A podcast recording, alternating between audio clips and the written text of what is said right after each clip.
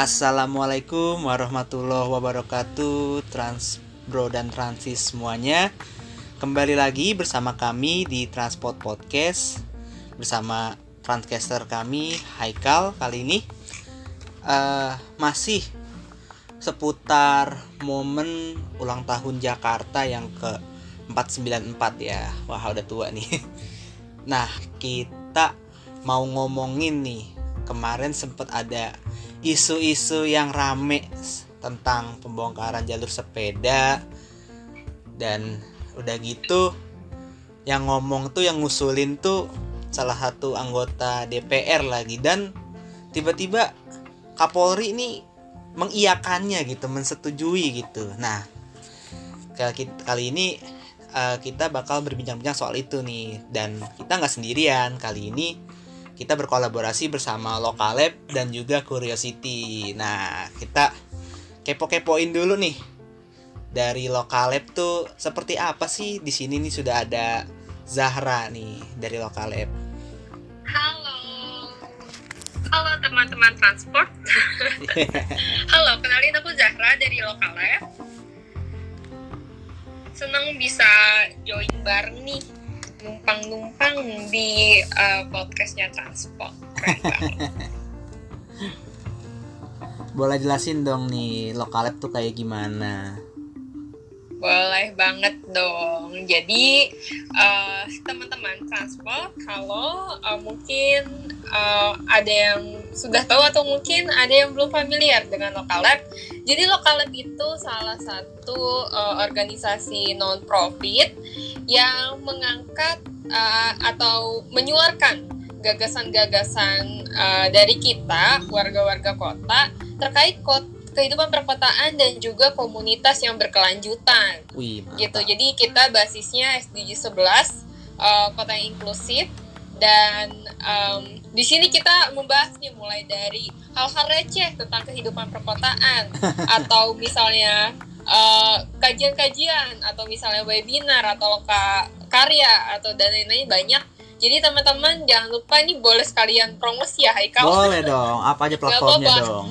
Iya teman-teman silahkan kepo-kepo di uh, kepo-kepoin Lokalab di Instagram at lokalab.co .co okay. lokalab.co di situ ada link tree kita jadi teman-teman bisa uh, menjelajah nih platform-platform uh, kita gitu. Oke kita sekarang beralih ke curiosity nih. Wah curiosity nih dari katanya nih penuh teka-teki nih bikin kepo nih. Emang sekepo apa sih curiosity nih?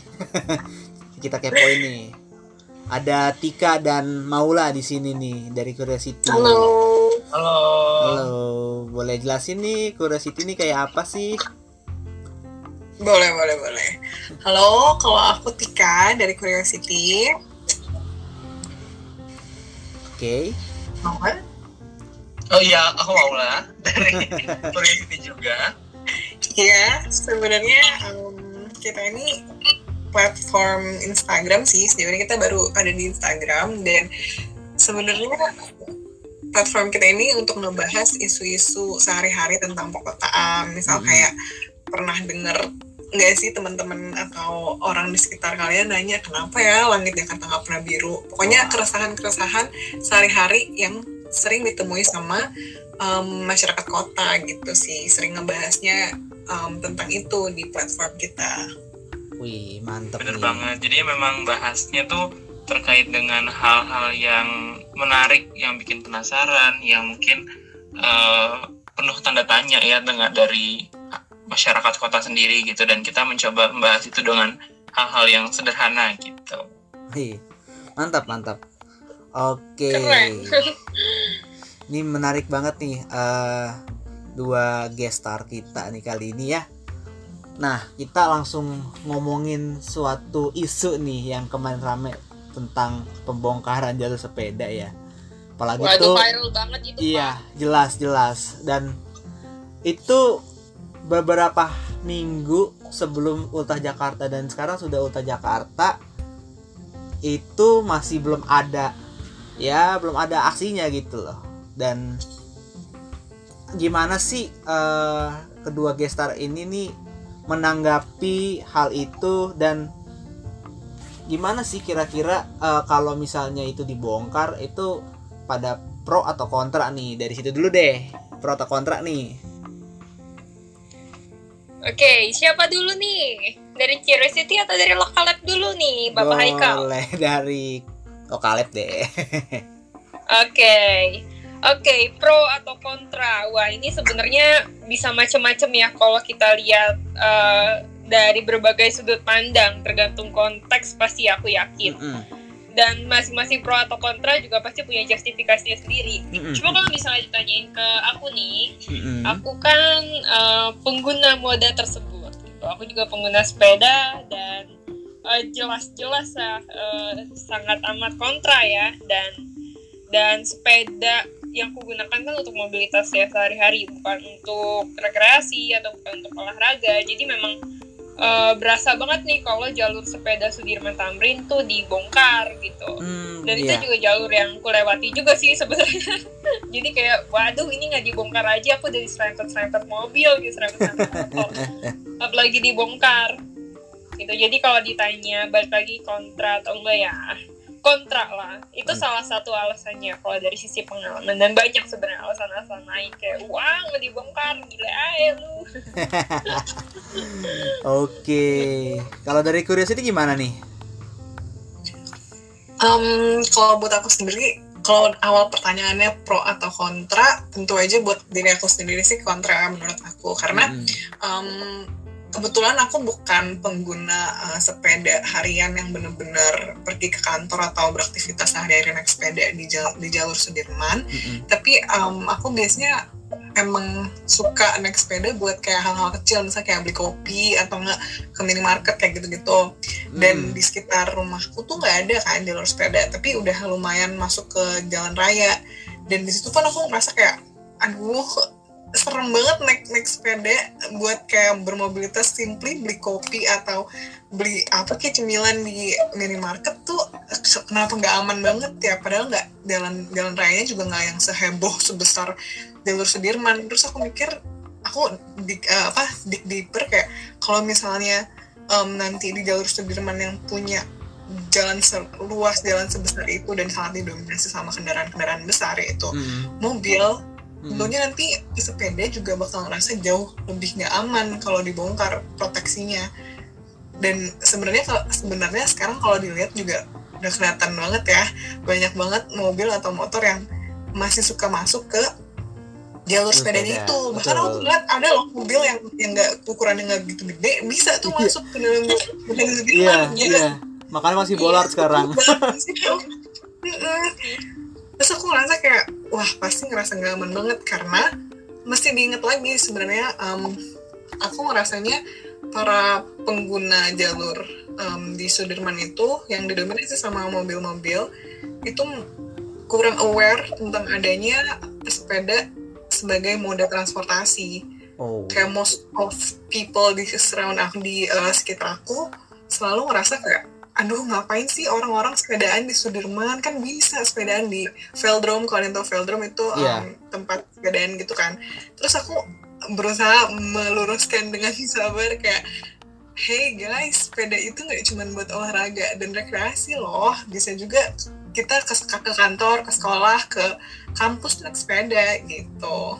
Hmm, Oke, benar-benar betul betul. ya setuju setuju mindsetnya Sama banget sepeda sih. sebagai alat transportasi ya Ah, ah. betul Hmm, kalau dari Maula gimana? eh, sama sih eh, tapi mungkin aku cukup ini ya apa bukan bukan dari cuma pengalaman sendiri gitu Eh, melihat bukan curhatan lah curhatan curhatan eh, yang deket deh gitu orang tua gitu ibu kan akhir-akhir ini memang lagi ini ya apa istilahnya eh tren lah sepeda gitu kan termasuk orang tua orang tua ibu-ibu yang mungkin eh, agak gabut gitu ketika pandemi dan akhirnya ya udah eh, mengisi waktu dengan sepedahan dan salah satu curhatannya adalah ketika teman-temannya tetangga-tetangga itu bilang wah saya nggak berani kalau mau ke jalan raya soalnya rame banget Iya, Dan dari situ aja setuju. kelihatan gitu kita bisa tahu oh ternyata ada loh orang-orang yang merasakan bahwa eh, apa seperti apa sih jalan raya Cita sebenarnya gitu. Heeh. bahwa ada ada banyak ancaman bagi mereka gitu. Dan itu tuh mungkin tidak terdengar atau jarang-jarang terlihat. Kenapa? Karena ya mungkin baru sekarang-sekarang mereka sepedahan gitu. Oh ternyata eh, ketika kita sepedahan tuh gini ya rasanya di jalan raya. Nah mungkin salah satunya orang membongkar sepeda orang mau membongkar jalur sepeda ya dia nggak ngerasain seperti apa sih yang namanya bersepeda sebagai transportasi gitu kan Mm, mm, mm. bener-bener mau mau merasakan harus harus mau merasakan seperti apa gitu rasanya mungkin tadi kayak Zahra tuh hampir diserempet tuh berapa kali di klakson udah berapa sering. kali Ya, itu tuh harus merasakan setidaknya tahu loh oh ternyata ada orang-orang yang eh, merasakan sesuatu yang ternyata jadi ancaman gitu di jalan raya dan Iya. oh ternyata bahkan mungkin mereka pun sering melakukan itu sering hampir menyerempet atau gimana lah gitu jadi eh, ada dua pengalaman yang berbeda yang mungkin nggak jadi so, ter terbentengi lah gitu jadi mungkin kita harus pelan-pelan lebih banyak eh, membuka gitu jadi Iya. dengan pengalaman-pengalaman baru itu harusnya jadinya bisa tahu oh ternyata ada sesuatu yang baru nih yang lain nih yang ternyata membuat kita butuh jalur sepeda gitu Dan harus lebih aware ya berarti. betul Nah, Betul. aku mau tapi tanya nih. tapi aku tuh suka suka eh, kepikiran gitu deh. Kenapa tuh? Em, apa karena ap- apa kita berpikiran seperti ini Mm-mm. karena mindset kita ya Mm-mm. eh, ya mindset sepeda gitu. Kalau misalnya kita sehari-hari misalnya nih eh, bermobilitas, pakai motor atau nggak pakai mobil gitu, aku eh, sempet wondering juga nih, apakah aku akan berpikiran hal yang sama gitu? Apakah aku menganggap beton-beton untuk memproteksi jalur sepeda itu sebagai sebuah hambatan ketika aku jalan? Mm-mm. gitu dan jawabannya aku menyimpulkan eh, ya iya kenapa karena mindset aku adalah masih car oriented aku nyetir gitu loh Hmm, gitu ya. gitu. jadi aku bawa mobil aku menganggap beton-beton itu ya dia nyempitin jalan jalur aku yang harusnya bisa ada tiga Tiga empat. baris jadi cuma dua baris gara-gara Iya. satu barisnya dipakai buat sepeda iya itu nyempitin jalan tapi aku sadar aku berpikir seperti itu karena mindset aku oh ini gue lagi car oriented nih tapi lagi-lagi kalau kita tarik lebih jauh perihal uh, mindset car oriented apakah baik gitu Enggak juga. untuk untuk sustain ke depannya Mm-mm. apakah kita Hmm. mau nih semua orang mindsetnya ke mana-mana punya kendaraan pribadi naik mobil misalnya volumenya seperti itu yang ngabisin jalan Betul. dan lain-lain mau mau berapa lane lagi flyover di kota gitu Betul, betul banget. Nah, gitu jadi ya ya balik lagi sebenarnya lebih ke mindsetnya sih mm, oke. Oke. menarik menarik kalau soal mindset tapi in my opinion um, menurut aku ya um, kita nggak bisa secara hitam putih menyalahkan orang-orang yang punya mindset car oriented karena sebenarnya kalau um, di- deeper kenapa orang-orang banyak banget yang punya mindset kayak gitu karena unconsciously tanpa sadar para pemerintah stakeholder dan pem- uh, Hmm. infrastruktur itu secara besar-besaran punya ambisi yang besar buat istilahnya nge- ngedrive kita untuk punya mindset kayak gitu Iya. ke mana-mana Setuju sih. uh, di mana pun ada lagi uh, flyover tambahan Ada tol tol. setuju Heeh. kayak gitu setuju Jadi bener Aku- bener bener banget sih jadi menurut aku nggak bisa secara hitam putih disalahkan orang yang punya mindset kayak gitu justru seharusnya stakeholder yang membantu menggiring mindset itu untuk berubah dan menurut aku orang-orang kayak kita nih yang bisa ngebantu masyarakat untuk berubah mindsetnya juga gitu. Iya. Betul. aku tuh kadang suka gemes ya ini ini mah curhat gitu ya Iya.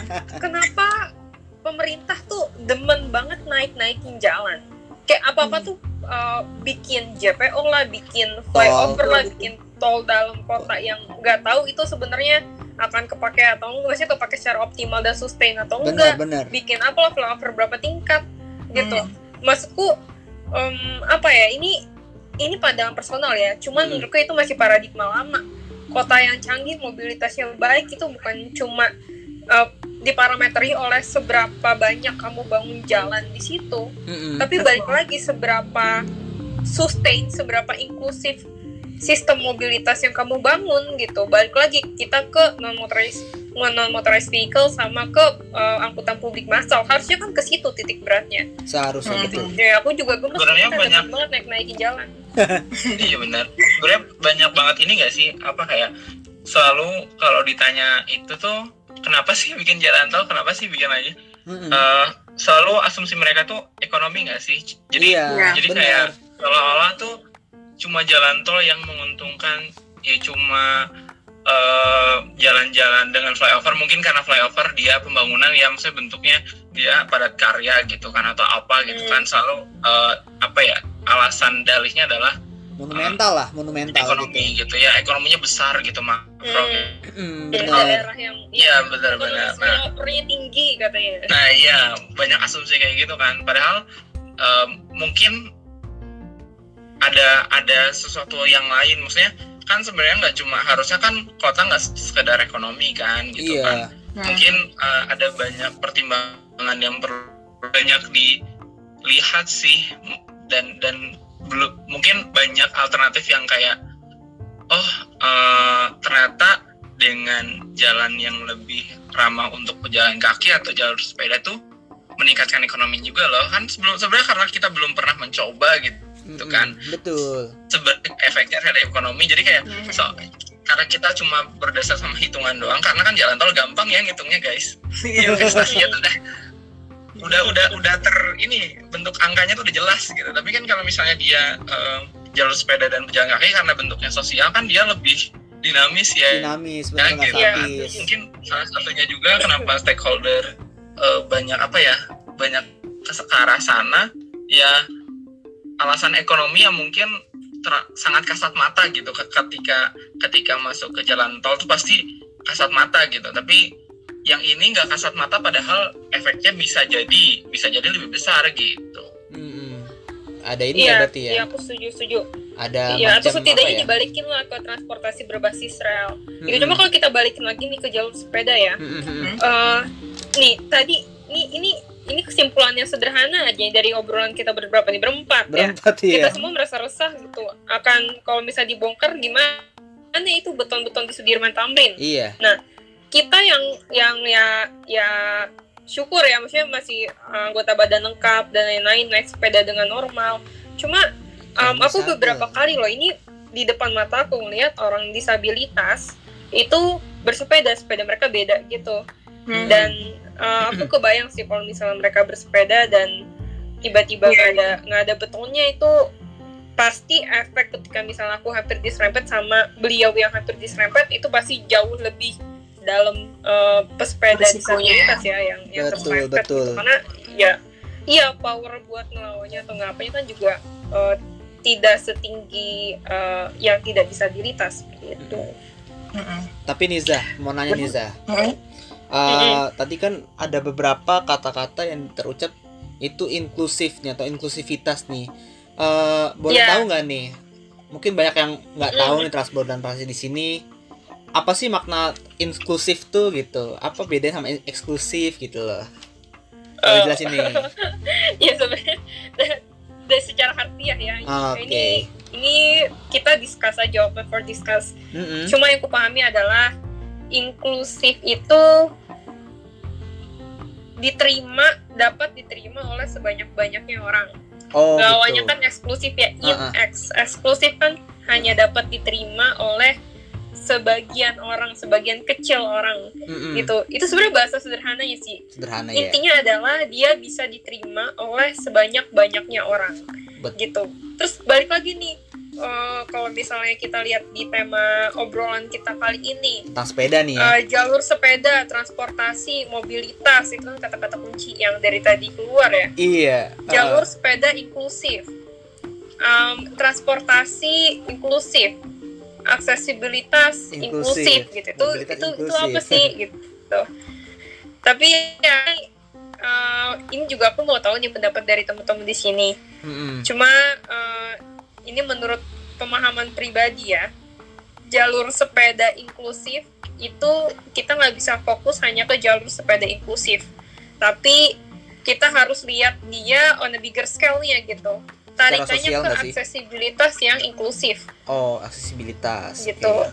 Iya, karena eh, menurutku percuma ketika salah satu sarana which is jalur sepedanya doang yang inklusif cuman aksesibel atau sarana prasarana lainnya juga tidak inklusif contohnya adalah misalnya kita bikin jalur sepeda Sudirman Tamrin gitu cakep-cakep gitu di beton segala macam cuman yellow tactile-nya nih itu buntung. Atau yellow tactile-nya itu nabrak Pohon. pohon. Iya Iya, iya. itu nabrak pohon gitu. Ya percuma bener sih kita uh, bikin jalur sepeda di beton gitu jadi inklusif. Cuman uh, kalau kita ngomongin inklusivitas menurutku nggak bisa ada di satu titik aja dia harus terintegrasi dengan sarana mobilitas lainnya Gitu. Oke, harus menyeluruh berarti ya. Bener-bener Menyeluruh. Iya, oh ya jalur sepeda terproteksi itu juga salah satu bentuk pengusahaan inklusivitas dalam uh, ber ini ya bertransportasi menurutku. Tapi apa? Karena, iya karena jalur sepeda adalah uh, bentuk menurutku ya uh, Uh-huh. transportasi yang inklusif karena dia ramah gender, terus Hmm. juga dia di- da- dapat di- digunakan oleh semua orang. Oh, betul. Cost inklusif, sepeda tuh untuk mobilitas ya bukan sepeda road bike road bike gimana gimana. Nah, sepeda tuh murah dan dia itu efisien efisien banget sepeda tuh buat dipakai micro mobility buat first dan last mile bener, Benar. bener. gitu jadi menurutku itu tuh udah jadi satu cakupan inklusif dan penyediaan jalur sepeda merupakan dukungan pengusahaan transportasi yang inklusif menurut Oke. Kalau dari Gitu. curiosity nih, dari Tika Tapi ngomong-ngomong ini ya, Mm-mm. eh, tadi kan menyinggung jadi ingat apa? Kan, kan inklusif itu lawannya eksklusif kan ya. Iya. Dan Mm. eh, kita tuh kalau aku sendiri sih ngerasa kita tuh sebenarnya dari dulu sudah sering terpapar dengan hal-hal yang eksklusif gitu. Bener sih. Apakah itu sekolah favorit lah atau Bener PTN sih, bener favorit bener lah bener gitu bener kan. bener. segala sesuatu tuh per, apa seolah-olah harus sesuatu yang saling diperebutkan gitu dan harus ada Oh. yang paling spesial gitu kan. Jadi ada kompetisi gitu gak sih? Iya benar ya kan kan bener-bener inilah sangat-sangat bahasanya sekarang Indonesia modern gitu kan. Nah kalau kalau ngomong-ngomong tiba-tiba apa ke inklusif ini ya benar sih karena kita juga sering ter terpapar dengan hal-hal eksklusif bahasanya kita tuh harus selalu bersaing gitu kan. Makanya sebenarnya nggak aneh ketika ada orang yang pengen jalur sepeda dibongkar karena mereka tuh bahasanya iri gitu. Kalau Iya. dari pandangan aku ya mereka tuh iri karena ada sesuatu yang eksklusif tapi kayak Nah, kenapa kenapa sih mereka harus eksklusif tuh nggak paham gitu. Ba- bahasanya tuh eh, jadi seolah-olah makanya ada bahasa jang- jangan sampai nanti pehobi motor minta jalur khusus artinya sebenarnya mereka melihat itu sebagai eksklusivitas gitu bukan sebagai inklusivitas Inklusif. kebalik ya Benar benar Iya, benar. Bahasanya- mindsetnya kebalik ya Aduh, Betul. kita balik lagi ke mindset ya lagi-lagi ya Mm-mm. iya benar tapi itu kan kebiasaan ya karena kita kebiasaan banget dari bah sekolah sekolah favorit ya beruntungnya sekarang kan sekolah udah mulai di zonasi walaupun Oh. mungkin nggak tahu ya gurunya apakah sudah mulai disebar atau enggak cuma memang kita sangat-sangat terbiasa dengan itu entah karena memang masih belum selesai mendekolonisasi atau apa tapi intinya kita udah emang melekat banget gitu sama hal-hal yang persaingan gitu bahasanya berebutan gitu Iya. Nah, jadi kayaknya ketika kita mengenalkan inklusivitas harus pelan-pelan bener-bener dari step awal tuh kenapa sih kita kenapa sih kita perlu inklusif gitu? Kenapa sih kita nggak perlu eksklusif gitu? Justru kebalik gitu. Dan yang disebut eksklusif apa yang dianggap eksklusif dari jalur sepeda itu justru sama sekali bukan untuk eksklusif gitu. Kebalik gitu. Kenapa? Karena em, misalnya ketika ada tadi kan disabilitas mereka kan butuh bantuan kan? Nah eh, bahasanya bantuan seperti apa sih? Apakah kan banyak juga yang bilang tuh kenapa tuh yang disabilitas nggak naik mobil aja? Kan ada ada ya bahasanya jadinya ya emang karena kita terbiasa eksklusif di dalam mobil gitu kan Iya individual gitu. Betul Nah, betul. jadi kan eh, padahal ada ada sisi-sisi yang justru harusnya terbalik gitu kan ketika kita naik apa menggunakan kendaraan pribadi yang benar-benar pribadi dalam artian sepeda dan jalan kaki kan sebenarnya itu lebih pribadi daripada mobil ya Iya dong. iya dia itu Betul, betul. gitu dia kita kita Iya. bisa bisa lebih eh, ter- inklusif enggak maksudnya kita bisa lebih banyak ber bersosialisasi ketimbang di mobil gitu Lebih leluasa lah ya, lebih pribadi leluasa. individual Mm-mm, tapi kalau misalnya pejalan kaki dan mobil eh, sepeda kan sama pribadi tapi nggak individual sebenarnya mereka gitu Mm-mm. sesuatu yang tidak eksklusif ketimbang mobil gitu nah sisi itu sih mungkin yang aku ngelihatnya oh menarik juga nih ternyata ada ada sesuatu yang berbeda dan mungkin kita harus pelan-pelan me- mengenalkan itu gitu antara yang eksklusif dan inklusif. Apakah kita perlu eksklusif seperti apa dan inklusif itu apa dan harus gimana di kota kan? Menarik juga tadi penjelasannya Zahra gitu. Hmm, dan menariknya tadi malah sempat mention um, kalau kayak gitu nanti motor ada jalur khusus dong gitu kan. iya Terus aku jadi keinget ada satu komen netizen bilang kayak gini, kalau dibikin jalur khusus kayak gitu nanti sepeda eh, dikenain pajak bisa nggak gitu. Oh iya tuh baca tuh oh iya tuh Terus aku kayak, mah nggak gitu dong bosku, kayak motor dan mobil dikenain pajak itu em, karena mereka menghasilkan eksternalitas, ekster- eksternality. ya. Mm-mm. Itu em, samping dari eh, dari dari motor dan mobil itu, contohnya kayak gas buang polusi, em, Ah. polusi baik itu udara maupun suara, terus abis itu space juga mereka kan buang yang besar. Mm-mm. Itu makanya mereka di, di, di, di, dituntut pajak. untuk bayar pajak karena mereka menghasilkan benar-benar betul itu. betul Minimal kalau sepeda apa? Emang ada polusinya? Emang makan Iya. Emang bikin berisik? Enggak kan? iya iya benar Kalaupun kalaupun mereka mikirnya itu adalah sebuah eksklusif, sebuah jalur eksklusif, enggak karena tadi benar kata Maula itu justru malah menjadikan inklusif bukan mengeksklusifkan sep- sepeda itu gitu. Iya, tapi aku aku setuju eh, apa ini juga yang apa ya yang yang aku pahami ya. Mm-mm. Balik lagi nih kita sebenarnya tujuan kita mobilitas selain kita berpindah tempat itu apa sih gitu kan? Eh, eh, apa yang apa yang apa ya? Kita berpindah tempat tuh jangan sampai mengeluarkan sesuatu yang buruk bagi aspek lain. Makanya ada namanya tuh eh, mungkin ini kayak jatuhnya tuh udah sangat peace ya sustainable transportation. Ini transportasi berkelanjutan yang mana sekarang tuh hanya sekedar branding aja gitu. baru sekedar branding berarti ya transportasi sekarang berkelanjutan. ya. Tapi definisi berkelanjutan, iya definisi berkelanjutan tuh apa? Yang aku pahami adalah ketika kita mengeluarkan eksternalitas negatif seminimal mungkin. Hmm, gitu. iya, iya, bener, bener. Nah, ketika kita, nah dan yang hal-hal yang mengurangi eh, apa eksternalitas eksternalitas negatif itu itu adalah hal yang inklusif. Kenapa? Karena em, pertama inklusif kan ba- apa ya titik beratnya tuh ke sharing sebenarnya. oh Kita share sharing empathy, share kita sharing eh, apa yang mau kita pakai, iya kita sharing uh, mindset, kita sharing uh, kita kita peka lah akan akan kehidupan orang-orang lain. Itu sebenarnya dasarnya banget uh, inklusif ya sepemahaman aku. Nah, em, tadi untuk meminimalisir eksternalitas makanya sepeda, jalan kaki itu uh, itu termasuk termasuk kata-kata inklusif karena pertama dia wide ya luas semua orang bisa menggunakannya dan yang kedua dia mengeluarkan eksternalitas yang uh, kecil gitu dibandingkan dengan kendaraan bermotor atau kendaraan pribadi lain. bener Karena bisa dibilang nol nggak sih? Kalau Iya, Iya. bahkan bisa dibilang nol. iya. Bener-bener banget bisa dibilang nol gitu. Kecuali kamu misalnya naik jalan apa eh, jalan kaki terus kamu makan sesuatu terus buang sampah sembarangan ya itu udah beda sama air ya kan. itu beda lagi dong kita dong ya setuju sih aku Iya, juga jadi eh, eh, jadi ketika kita ngomongin inklusif, aku juga memahami bahwa inklusif tuh bukan hanya eh, manusia ke manusia, tapi manusia ke ruang yang dia tempati, ke gitu. lingkungan ke juga ya kotanya, Oh. ke lingkungannya gitu, ke Mm-mm. kotanya, Mm-mm. dan ke masa dia dan masa yang akan datang. oke Ya itu kalau misalnya kita mau lihat inklusif secara lebih luasnya lagi ya, gitu. Mm-mm.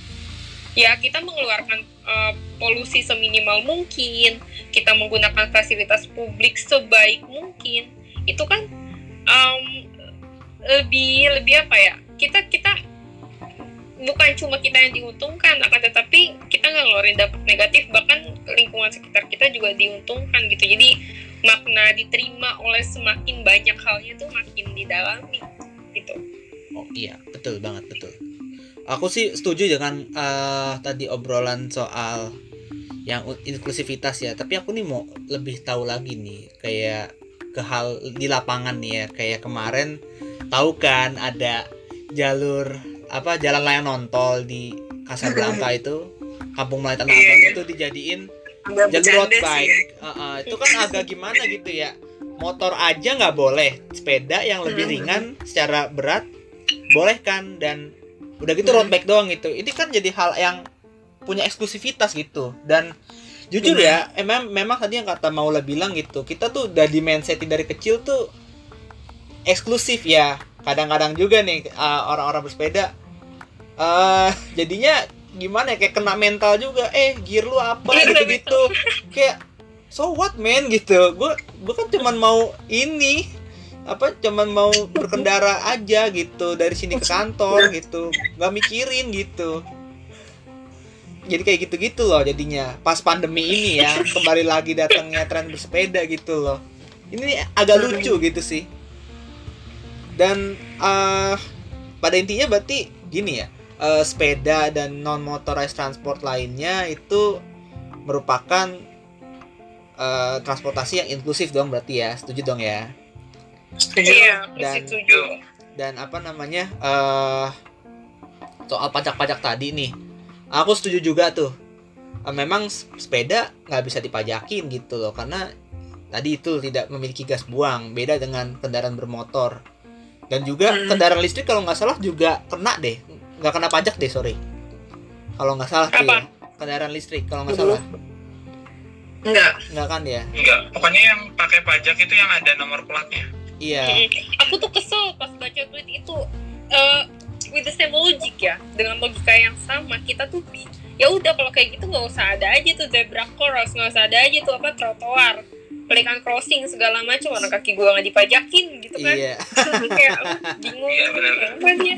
Walaupun sebenarnya enggak agak agak ini sih agak nggak salah maksudnya cara karena kan mereka berpikir kayak ya aturan dasar pajak sih maksudnya kayak banyak yang berpikir bahwa pajak tuh hanya soal ya kamu bayar pajak eh, dan kamu dapat keuntungannya dari pajak itu gitu. Ya nah ya, bah- cuma masalahnya kan nggak segmental kan nggak nggak nggak nggak masing-masing tuh masing bayar berapa ngasih dapat berapa kan nggak gitu kan. Masalahnya kan eh, kenapa kita harus bayar? Salah satunya karena si apa eksternalitas tadi kan. Mungkin iya. banyak orang yang nggak paham apa, sih eksternalitas? kayak gitu. Kenapa sih harus bayar? gitu kan. Dari dari Jadi gas pajaknya buang sih kelihatan sih. masih harus eh, ya gitu ya sama apa yang diberi sama dengan yang didapat berarti kalau mobil ngasih ya mobil dong yang dapat padahal ah, salah juga sih kalau mikir kayak gitu gitu Hmm, gitu, oke. Dan memang gimana ya? eh kita ngeliat nih ya Jakarta ataupun kota-kota besar lainnya gitu ya. Sebenarnya eh udah memulai sebelum Sudirman Tamrin terproteksi ya. Di misalnya dulu di Blok M ada tapi nggak terproteksi gitu. Terus juga di kota-kota lain diikuti juga gitu ya kayak di Bandung. Pokoknya banyak deh di kota-kota besar di Jogja juga. Dan sebenarnya kalau kita ke daerah sana deh di daerah Jawa Tengah tuh kayak Solo Jogja tuh menjadikan bersepeda tuh ya udah bermobilitas sebenarnya gitu. Meskipun kayak mereka ya gimana ya itu balik ke mindset sih kalau kata aku sih. Kenapa? Karena gini kalau di daerah Jogja daerah Solo gitu ya karena eh, aku juga sering ke situ dan ngeliat kayak wah ini anak-anak SD itu ke sekolah naik sepeda itu kayak udah hal yang biasa gitu udah budaya biasa apa mungkin karena uh, urbanisasinya nggak terlalu seperti di Jakarta kan apakah apa uh, kehidupan sosialnya juga beda gitu kan tuh pasti mempengaruhi dan di sana um, meskipun ya nggak terproteksi tapi para Aman ya? pengguna jalan tuh juga saling share the road dan tahu kesadaran gitu dan hebatnya gitu mungkin sih harusnya lebih Hmm. banyak belajar dari Hmm. situ sih beberapa hari lalu em, aku sama Maula sempat diskusi tentang hal ini dan nemu satu em, riset di paper eh, paper berdasarkan riset itu Mhm. sebenarnya tuh nggak ada urgensi orang ke mana-mana bermobilitas pakai mobil atau motor nggak ada alas alasan jelas uh, yang mendasar hal tersebut selain em, status sosial dan power oh jadi menurut aku gengsi besar banget sih di kota-kota besar Hmm, ya ini ini untuk ini untuk mobilitas sehari-hari, maksudnya eh, di luar keadaan darurat atau keadaan yang terbatas atau keadaan yang genting gitu kan ya. iya Mm-mm, sebagai mobilitas sehari-hari gitu Hmm, Hmm. Hmm, hmm, hmm. Ya aku aku um, itu sebenarnya itu sebenarnya apa ya suatu inisial uh, penemuan awal ya penemuan awal yang yang bisa membuka ke berbagai pertanyaan sih sebenarnya menurut aku. Kenapa? Karena um, kalau misalnya kita mau membuktikan apakah itu benar atau enggak ada banyak faktor yang yang harus dilihat. Pertama di situ orang tuh juga ingin efisien kan? Mm-mm. kita nggak tahu standar efisien uh, standar sesuatu dikatakan efisien bagi orang tuh seperti apa apakah dia sampai ke tempat tujuannya dengan secepat mungkin atau secepat mungkin plus senyaman mungkin Iya. atau secepat mungkin plus uh, emisinya tuh sesedikit mungkin misalnya nah Mm-mm. pemahaman pem- pemahaman apa ya parameter-parameter itu kan yang berbeda-beda setiap orang dan em, tapi aku yakin sih aku percaya eh, sampai sampai sekarang kalau sepeda itu dia dia punya batasnya. Walaupun aku bersepeda spe- apa sepeda itu nggak bisa eh, jauh-jauh pertama karena bensinnya adalah tenaga manusia untuk menggerakkan sepeda. Betul.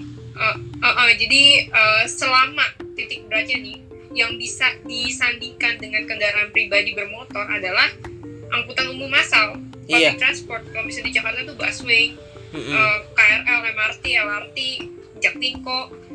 Selama itunya belum belum cukup efisien dalam mewadahi uh, kebutuhan mobilitas warganya, menurutku mobil tetap perlu. Betul. Cuman perlahan-lahan ya harus dibenahi gitu. Dikontrol ya. Nih, Dikontrol ya berarti ya. Dikontrol dong berarti ya. Setuju sih, setuju. menarik eh, masalah kota-kota besar ya sih mungkin agak berbeda ya ketika eh, membandingkan antara kota besar dan kota yang mungkin cenderungnya eh, di tengah desa gitu misalnya yang yang dia nggak terlalu ukurannya besar karena menarik juga sih sempat lihat bahasan di bahasan di Twitter Mm-mm. eh, bahwa kota tuh sebenarnya enaknya kecil aja nggak usah besar besar gitu Eh, Nggak Kayak- scrolling. eh, ketika dia besar kan akan jauh-jauh ya dan ot- otomatis akan sangat tergantung dengan um, kendaraan yang dia bisa jarak jauh gitu bisa jarak yang lebih uh, moncer lah bahasanya lebih lebih Moncer. gitu. Nah ya nah jadi kayak gaspol gitu kan. Nah kalau misalnya dia kota kecil misalnya kayak Solo atau misalnya Jogja gitu kan sebenarnya uh, kalau kalau atau bahkan Bandung nih uh, aku juga kan merasakan sebagai pesepeda juga di Bandung. Sebenarnya kalau kalau kota ukurannya 15 km kali 15 km itu tuh masih masih dalam jangkauan sepeda yang yang walaupun ya sepeda jauh ya maksudnya sepeda yang eh, bapak-bapak cowok-cowok masih bisa gitu. Kalau ibu-ibu mungkin ya jarak walaupun sebenarnya kalau desa bisa jauh ya ibu-ibu petani gitu kan bisa jauh kan. Mm-mm. tapi uh, sebenarnya dengan ukuran kota yang bisa lebih kecil lagi sebenarnya uh, sudah nyaman buat uh, pesepeda gitu apalagi jalan-jalannya kecil karena bagi kalau buat nih mungkin pengalaman banyak orang cerita juga maksudnya dan aku juga merasakan kalau misalnya kita jalan naik sepeda Mhm. goes di tengah jalan raya yang ukurannya lebih dari dua lajur gitu dua Mhm. jalur Mm-mm. Nah itu tuh akan kerasa banget capeknya. Sedangkan ketika kita ya sepedahan di jalan yang cuma cuma ya cuma sempit gitu, kita kelihatan bahwa ujungnya tuh di kanan sebelah berapa meter, kira sebelah meter, berapa meter, dan kita terutama apalagi udah ada aktivitas, ada pohon dan lain-lain, itu tuh jauh lebih ya apa ya bisa dirasakan gitu, bisa dirasakan bahwa eh ah nggak jauh ternyata ini loh gitu. Tapi ketika jalannya gede tuh kerasa jauhnya gitu, makanya Hmm. mungkin ini juga faktor uh, kenapa di kota-kota kecil, kota-kota yang lebih kecil daripada Jakarta atau uh, mungkin Bandung, Surabaya gitu ya, itu orang lebih uh, seneng gitu ketika sepeda itu nggak nggak nggak aneh gitu sesuatu yang nggak aneh gitu. Walaupun di sini-sini kan sudah dikenalkan dengan sepeda motor dan alhasil ya gengsi dan lain-lain akhirnya banyak lebih banyak pakai motor Iya.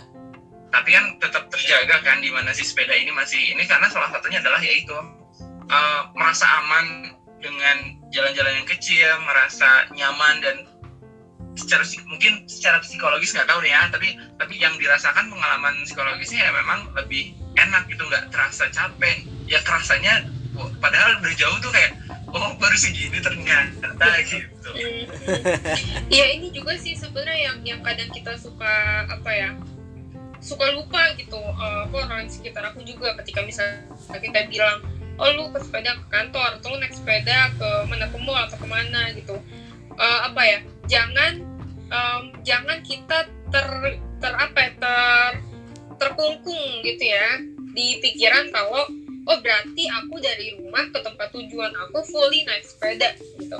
Jangan lupa ada konsep namanya mixed commuting dan itu sebenarnya udah diwadahi juga oleh eh, transportasi transportasi umum di Jakarta ya setidaknya gitu. Ya Iya. harapannya di kota-kota lain juga menyusul. Kayak kita bisa loh bawa sepeda kita ke busway di jam-jam tertentu. Kita bisa loh bawa sepeda kita ke MRT Mm-mm. ke KRL gitu. Mm-mm. atau taruh di parkiran juga bisa nanti baik ya. Iya bener. Bike sharing gitu. Iya itu tuh, bener tuh, tuh, gitu. Setuju. Bener. Bahkan ada goes ya teman-teman juga kalau misalnya tahu goes Mm-mm. Iya bahkan kita bisa back sharing tadi benar kata Tika. Gitu. Jadi sebenarnya banyak eh, apa ya banyak strategi-strategi sebenarnya kita naik sepeda ke mana-mana gitu. oke jadi ini nggak mantep nih. ya udah nggak nggak fully naik sepeda juga bisa. tentang mix commuting ya ini ini setuju banget sih. Eh, memang udah difasilitasi ya kayak ada Bose ada Goes ada juga dulu Grab Wheel gitu ya. Sebenarnya tuh eh udah disiapin tapi stigma dan paradigma di di Indonesia nih cuman masih hiburan gitu nih sayangnya gitu. Dan memang harus digerakin tuh. Harus digerakin bahwa ini loh eh, kalau kalian mau apa mau ke kantor misalnya nggak mau capek jalan dari stasiun bisa naik sepeda gitu. Atau kan juga sekarang udah banyak nih kayak di LRT dan MRT kalian bisa loh bawa sepeda yang nggak lipet gitu. Itu juga sebenarnya eh, meskipun banyak pro kontra ya dan tapi eh, ini menarik sih sebagai aku juga pengguna MRT yang sering sih dengan penempatan stasiunnya cuman ada tiga di di Lebak Bulus di Bundaran HI dan juga di AI, Blok M ya sama kan? M, ah, ya. dan itu kan kayak misalnya orang-orang dari suburban kayak contoh daerah mana ya? Cinere Parung gitu ya kan? Itu kan bisa langsung naik. Ciputat, Ciputat. iya Ciputat juga. Iya setuju tuh. Nah itu kan tinggal naik naik sepeda sampai stasiun Lebak Bulus dah. Bawa sepedanya ntar nyampe stasiun mana gitu stasiun Bundaran HI naik sepeda lagi dikit sampai kantor contoh kayak gitu atau dari Blok M. Kan sepeda ini kan tadi itu ya bener lah eh, mungkin batas maksimal orang bisa menggenjot sepeda itu sekitar 15 kiloan gitu nggak sih? Hmm. dan itu sih itu maksimal banget ya. Iya, Maksimal dan- banget gitu. dan menurut aku eh, aku berpikir gitu ya. Maksudnya MRT tuh eh, kenapa menyediain ini? Dan itu juga kalau nggak salah yang menginisiasi dari 2018 gitu sama Back to Work Indonesia gitu ya. Dan ini setelah aku pikir-pikir ya bener juga sih di- ditaruh di stasiun ini ini gitu. Cuma sekali tiga stasiun Mhm. karena orang kalau jalan itu kira-kira fatiknya atau capeknya itu sekitar 5 kilo atau 2 kilo udah capek gitu. Nah kalau misalnya naik sepeda itu 5 kilo masih santai 10 kilo oke lah Benar. 15 iya iya 15 oke lah udah capek gitu dan ya itulah maksudnya dibuat eh apa eh, stasiun khusus non folding bike ya ya itu kan agar Hmm. orang setelah keluar dari MRT ya lanjutkan lagi dengan Bisa dengan sepedanya gitu. Iya iya benar Gitu. benar setuju. Tapi gini deh ini ini yang em, gue juga suka apa ya bukan suka gatel ya gatel sih sebenarnya. Tapi gue eh, tapi aku yakin sih pemerintah tuh pasti ya step by step ya. Kalau misal kemarin kita podcast bareng ini baby baby step lah. iya Tapi yang harus dipahami adalah menurutku ya Mm-mm. um, tadi se- sepeda ketika kita mau um, menyediakan bukan sebenarnya bukan cuma jalur sepeda moda jalur moda transportasi lain. Ingat kita tuh sama-sama pakai jalan. Kalau misalnya balik lagi ke topik kita tadi inklusivitas beberapa kali kan diulang ya inklusif gitu. Iya iya. Um, ny- tadi aku ulang lagi statement aku nyediain jalur sepeda itu menurutku nggak cukup untuk membuat uh, si sepedanya jadi inklusif. Mm. kayak misalnya tadi MRT MRT kan dia di non folding bike kan ada turunan ya turunan buat sepeda iya. di tangganya. Mm-mm. ya. Nah, menurutku em, mungkin ya menurut yang membuatnya itu oh ini inklusif nih sepeda bisa jadi bisa masuk sepeda yang non lipat berarti makin banyak aja nih orang orang yang bisa pakai sepeda. Mm-mm. yang mana bagus gitu. Cuman yang perlu dipahami adalah kadang-kadang tuh eh, pihak-pihak terkait membangun infrastruktur tuh kayak kurang konteks gitu. Misalnya dia bangun kayak prosotan yang sepeda non folding bike. Nah itu kan kayak kemiringannya tuh benar. curang terlalu banget curang. gitu. Oke, curang bener-bener aku pernah naik gitu aku pernah eh, apa? Nyoba. sekali nyoba waktu itu tuh di di bundaran HI aku tuh nggak ada petugas yang bilang kalau eh, hati-hati atau nggak taktiknya nurunin sambil ngerem ngerem ya atau nggak apa ya nggak ada. Jadi pas nurunin tuh ketarik ke bawah gitu jadi malah itu membahayakan kita Hmm, karena berat sebagai pesepedanya Heeh, karena Kenapa bidang ya? beda sih. balik lagi eh, halte Transjakarta halte MRT itu didesain tangganya itu bukan buat nurunin sepeda Untuk orang aja gitu, bener. untuk orang aja gitu kemiringannya itu nggak didesain untuk untuk nurunin sepeda nah itu yang kadang-kadang tuh eh, suka suka apa ya suka skip ya. gitu inginnya tuh inklusif yang mana bagus dia udah ada usahanya tapi malah justru membahayakan dan membuat itu menjadi tidak inklusif Memaksakan. kalian aja kalau kayak gitu perluas aja bikin lift gitu lift yang buat sepeda ya udah that's it ada Iya. juga nih kocak juga nih waktu itu aku nyebrang Hmm. di eh, apa eh, ya di penyeberangan gitu ya di Jakarta kan banyak lah pelikan crossing yang kalau kita mau nyebrang tuh mencet tombol dulu nih Iya. tombol eh, lampu lalu lintasnya dan dia lampu merah by demand khusus buat penyeberang ya Hmm. teman-teman juga pasti pada tahu. Nah cuman itu cepet banget cuma dapat sekitar 15 detik iya. gitu. Kamu ya, iya udah. kan? Coba kamu bayangin eh, pesepeda disabilitas gitu. Nyebrang di eh, zebra cross atau di pelikan crossing yang sama eh, dinas perhubungan cuma dikasih waktu 15 detik let's say itu apakah itu inklusif? Apakah itu merupakan eh, pengusahaan sepeda inklusif? Kan enggak. Tapi Lagi-lagi itu menurut- tapi itu lupa itu lupa aja karena itu bentuknya zebra cross bukan jalur sepeda. Padahal mereka lupa zebra cross itu digunakan bukan cuma buat pejalan kaki. Pesepeda nyebrang juga pakai zebra cross. Bener. Nyebrangnya ditenteng lagi. iya. Dan, Ya. dan itu adalah lampu lalu lintas fase lalu lintas detik-detikannya. Yang mana itu bentuknya tuh beda banget sama jalur sepeda tapi dia terkait sama jalur sepeda dan terkait dengan jalur sepeda inklusif gitu itu kadang-kadang yang suka suka skip sih lagi-lagi Wow. menurut aku di sini hak hak pejalan kaki dan pesepeda masih sedikit banget dan dianggap sebelah mata ya dan Hmm. mm, menurut aku itu kembali lagi ke car oriented itu sendiri yang di mana hmm. um, pengguna mobil dan motor tuh diprioritaskan dan hak-hak pejalan kaki dan pesepeda ya di nomor sekian kan jadi ya itu tadi buahnya um, nggak terlalu merhatiin jumlah detik atau uh, durasi untuk menyeberang di jela di jembat di zebra cross atau bikin JPO menurut aku juga JPO termasuk salah satu bentuk um, iya setuju yang setuju kurang memfasilitasi hak untuk pejalan kaki dan pesepeda sih Iya, benar Hmm. benar benar. Setuju sih. Hmm. Wow. Iya, aku setuju sih kalau bisa kita bahas inklusivitas ya, iya. Kamu punya butuh berapa detik, kamu butuh effort banget naik naikin sepeda ke JPO. Apalagi kalau orang yang disabilitas ya JPO yang biasa kan dia nggak ada liftnya, susah Hmm. banget naik ke JPO. Apalagi pesepeda disabilitas bahkan nggak bisa naik ke JPO. Apalagi curam lagi. Iya sih. Banget. Iya, itu kan nggak ada kaitannya dengan jalur sepeda. Cuman itu sangat amat berkaitan dengan inklusivitas, bahkan inklusivitas pengguna sepeda ya. Walaupun secara kasat mata itu bukan jalur sepeda. Hmm, hmm, hmm.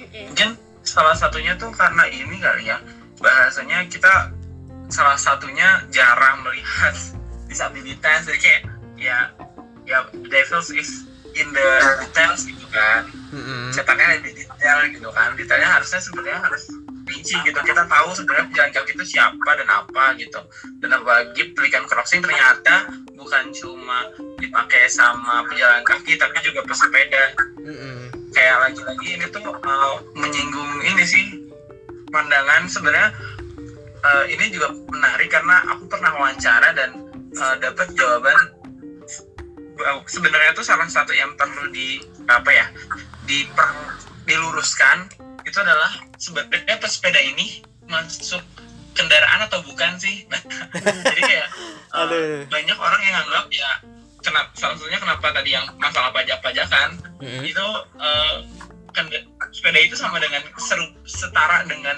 mobil dan motor yang dia kendaraan gitu kan.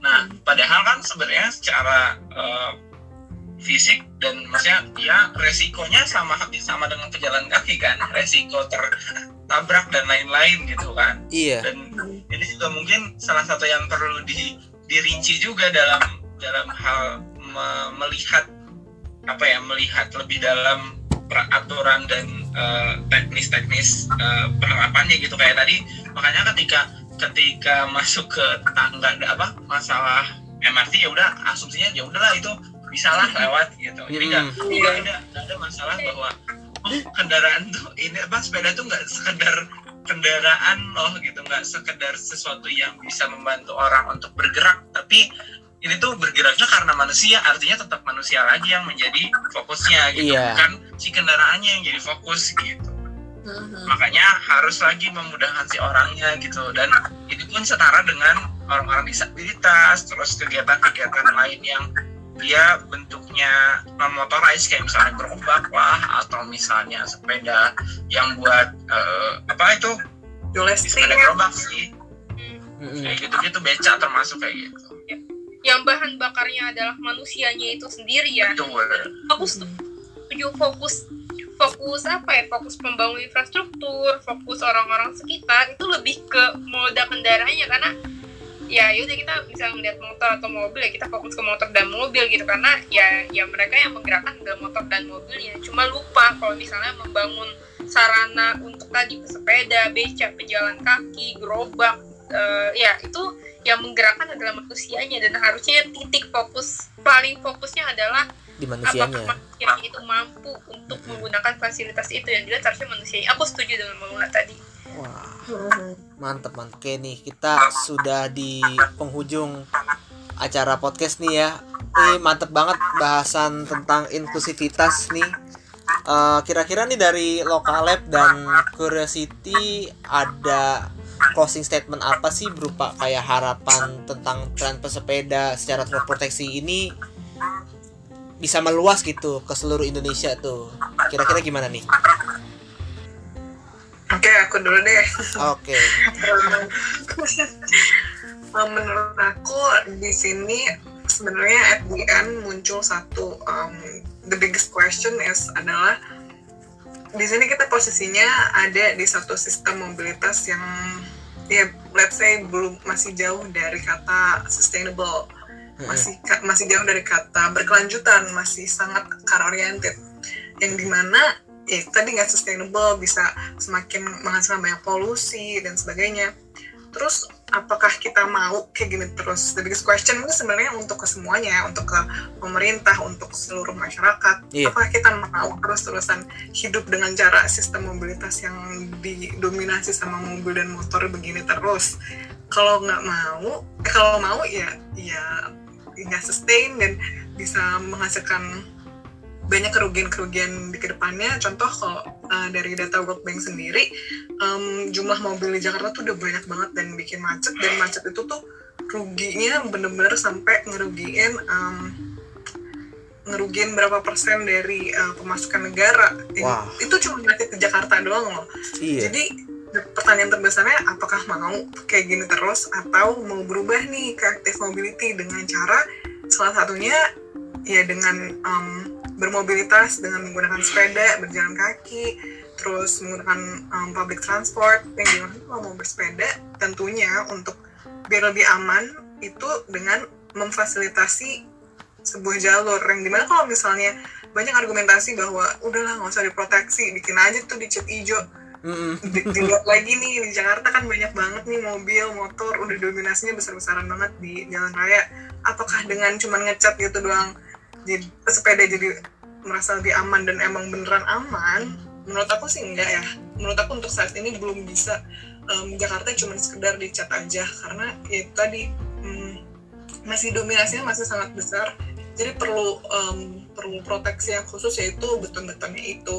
Dan aku yakin hmm, pemprov pemprov nggak bakal bongkar sih. Kalau menurut aku ya aku optimisnya kayak gitu. Karena um, sejauh ini ya, sejauh ini pemprov tuh aku melihatnya udah sangat amat pro untuk um, untuk shifting ke active mobility. Jadi ya dan aku sangat appreciate itu sih ke pemprov. Dan semoga ya beneran gak dibongkar Amin, gitu. amin. dan mengusahakannya tuh kelihatan ya Tik ya. Benar Kalau dari sisi pemprovnya sih walaupun yang masih banyak kurangnya namanya juga pelan-pelan ya. Iya. Hmm. ada progresnya Oke, kalau dari Oke, Maula gimana? Kalau aku um, sebenarnya nggak jauh beda sih, tapi mungkin perlu banget di highlight uh, di mana sebenarnya di jalan itu siapa sih atau apa sih sebenarnya yang perlu menjadi fokus, apa sih yang perlu jadi uh, titik berat uh, dan kayak kita perlu mungkin menggeser dari sebelumnya kita selalu titik beratnya adalah ke kendaraan ke bagaimana sih kita membuat tanda petik ya eksklusif setiap eh, setiap kendaraan. Jadi jadi maksudnya setiap orang bermobilitas secara eksklusif gitu. Iya. karena kalau eksklusif kan bentuknya ada jadinya mobil motor gitu karena itu eksklusif per orang gitu dan nggak tidak membuat orang jadi saling eh, terhubung gitu. Sedangkan ini kalau kita mau fokus lagi ke eh, orang ke human ke sosialnya nah ya kita titik balik lah dibalik gitu. Titik titik beratnya kita balik gitu ke orangnya gitu. Di mana eh, nantinya pada akhirnya ya pasti akan inklusif. Karena kita berusaha untuk memusatkan orang itu jadi titik tumpu pembangunan gitu pembangunan infrastruktur gitu. Jadi kayak nggak nggak kita nggak lagi melihat kendaraannya tapi eh, orangnya dapat apa sih dengan itu? Orangnya eh, perlu apa sih gitu? Apa sih yang diperlukan sama setiap orang yang memang perlu mobilitas gitu. Jadi eh, benar-benar person by person bukan vehicle bukan eh, sebagai makro. Salah satunya kan karena eh kenapa banyak jalan tol dan lain-lain? Kan karena kita selalu melihat dalam, dalam konteks makro ya. Dalam Iya. konteks ini kota butuh ekonomi yang maju dan lain-lain. Padahal dari sisi mikronya dia bisa lebih eh, thriving bisa lebih mendorong bahkan bisa eh, sustainable bisa pas gitu dengan eh, istilahnya nature atau alamiahnya manusia itu seperti apa kayak gitu. Karena gak semuanya manusia bisa mengendarai mobil bisa mengendarai motor. Di sisi lain eh, mobil dan motor juga membuat manusia jadi eh, individual. Ditambah lagi dengan ya segala macam eksklusivitas yang justru membuat manusia jadi jadi tidak manusiawi. Nah kita balikin lagi nih. Gimana caranya bikin jalan kita ini manusiawi? Ketik baliknya ke manusia dan pokoknya harus ketika itu harus benar-benar ke manusia gitu. Ketika itu tercapai ter apa ya termindset terpandang eh, seperti itu ketika kita membangun ya otomatis inklusivitas ini jadi bagian utama eh, dari situ gitu gitu sih. Dan Oke. termasuk di tengah di dalamnya jalur sepeda ya dengan segala macam eh, apa ya fitur-fitur lainnya lah termasuk pejalan kaki dan lain-lain harapannya eh, mungkin mungkin akan aku isi dengan ajakan kali ya dibandingkan dengan harapan Oh ya. jadi eh, kita semua bukan kita semua ya ini udah scientific base nih sebenarnya udah udah academic approve nih kalau misalnya naik sepeda dan berjalan kaki atau kita bermobilitas tanpa mengeluarkan uh, eksternalitas negatif kayak tanpa ngeluarin emisi lah atau at least emisinya kalau di public transport dibagi ke segambreng orang. Itu adalah tujuan kita nih untuk kota yang lebih lebih sustain lagi lebih berkelanjutan lagi di masa yang akan datang. Mm-mm. gitu ya. Itu itu itu salah satu tujuan nih. Oke simpen. Terus pertanyaannya gimana caranya kita me- meraih hal itu gitu. Walaupun kita tahu ya sekarang kan masih, masih jauh ya kan hal itu please gitu kita tahu masih jauh.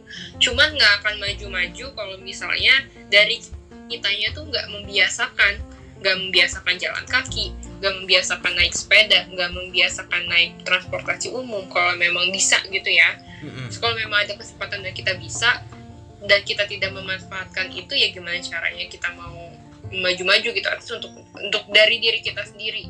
Jadi teman-teman kalau misalnya nih eh, dicoba aja dulu misalnya mau ke warung depan gang atau nggak mau ke rumah temen yang cukup deket-deket aja dulu nggak apa-apa. Atau mau beli makan siang. Kalau tadi nih Tika mau beli kopi mau mau ke pasar beli sayur mau ke mana Al- eh, mau ke minimarket. Itu coba aja dulu jalan gitu naik sepeda gitu. Nanti pelan-pelan uh, kalau misalnya kita melakukan melakukan itu dengan rutin otomatis mindset kita langsung ambil sepeda gitu langsung oh deket jalan aja ini mah oh deket naik sepeda aja ini mah. Mm-mm. dan kita kan aku yakin banget dan aku garanti pasti akan apa ya merasakan kenikmatan kenikmatannya gitu. Belum pernah kan misalnya kayak ini teman-teman yang belum pernah ya coba aja naik sepeda eh, malam-malam gitu kayak penat seharian habis kerja kuliah segala macem gitu. Di jalan ngeliat orang terus ngegoes gitu kan kayak me time ya jatuhnya kita jalan ngeliatin orang-orang uh, berlalu lalang dan lain-lain interaksi sama orang-orang di jalan misalnya kayak senyum atau kayak gimana. Itu kan menggembirakan gitu ada rasa bahagianya iya. gitu. Dan iya kan dan aku yakin itu akan terwujud ya ketika kita menggerakkan diri kita untuk membiasakan hal itu. Mulai dari hal-hal kecil kayak ya udah ke pasar aja gitu. Taruh bayam di sepeda. Gitu. kemarin ke minimarket taruh jajanan di sepeda taruh kopi di sepeda pegang kopi jalan kaki gitu-gitu kan. Ya itu indah lah. Nanti pasti akan berasa menemukan keindahan-keindahannya sih. Kasih kasih kasih dan kasih. oh ya dan itu nggak akan kerasa kalau misalnya nggak akan pernah bisa kita rasain kalau misalnya kita beneran tidak nyoba dan tidak merutinkan atau kita biasa naik mobil atau naik motor pasti kayak nggak kebayang oh ternyata nih begini aja tuh seneng gitu. Benar benar-benar Betul, betul. Betul. banget. jadi pelan-pelan Soalnya ya. motor mobil ngebut. Iya pelan-pelan membudayakan lah ya gitu iya benar Oke, oke, kita sudah di penghujung acara nih ya. Makasih banyak nih dari Lokalab dan thank you Curiosity atas thank you Thank you ilmunya juga. gitu Positif ya. Dan jangan lupa nih Transport dan Transis dengerin juga nih obrolan kita nih tentang manfaat jalur sepeda di podcastnya Lokalab nih yang namanya Lokakes. Oh, iya. gitu. iya kita kemarin habis ngobrol-ngobrol juga ya Iya. banget. Iya nih, Benar. seru nih. Oke Dengerin nih. juga itu di, di nanti bakal diupload semua kalian. Oke, kita Yoi jual upload dulu gak dong? Yoi. Nanti kita saling mampir ya ke dan ke lokalan. Yoi. Oh ya teman-teman juga apa eh, yang penasaran tentang kota jangan lupa juga blog Curiosity itu aku aku aku stop depannya kan ya eh ketagihan ketagihan sampai pesawat Sama sama asli. ya kan curiosity.id ya guys Yoi. Iya. Lo transis yang kepo langsung curio Asik. ID asik. Asik. banget nih Oke, oke, kita akhiri ya. Wassalamualaikum warahmatullahi wabarakatuh.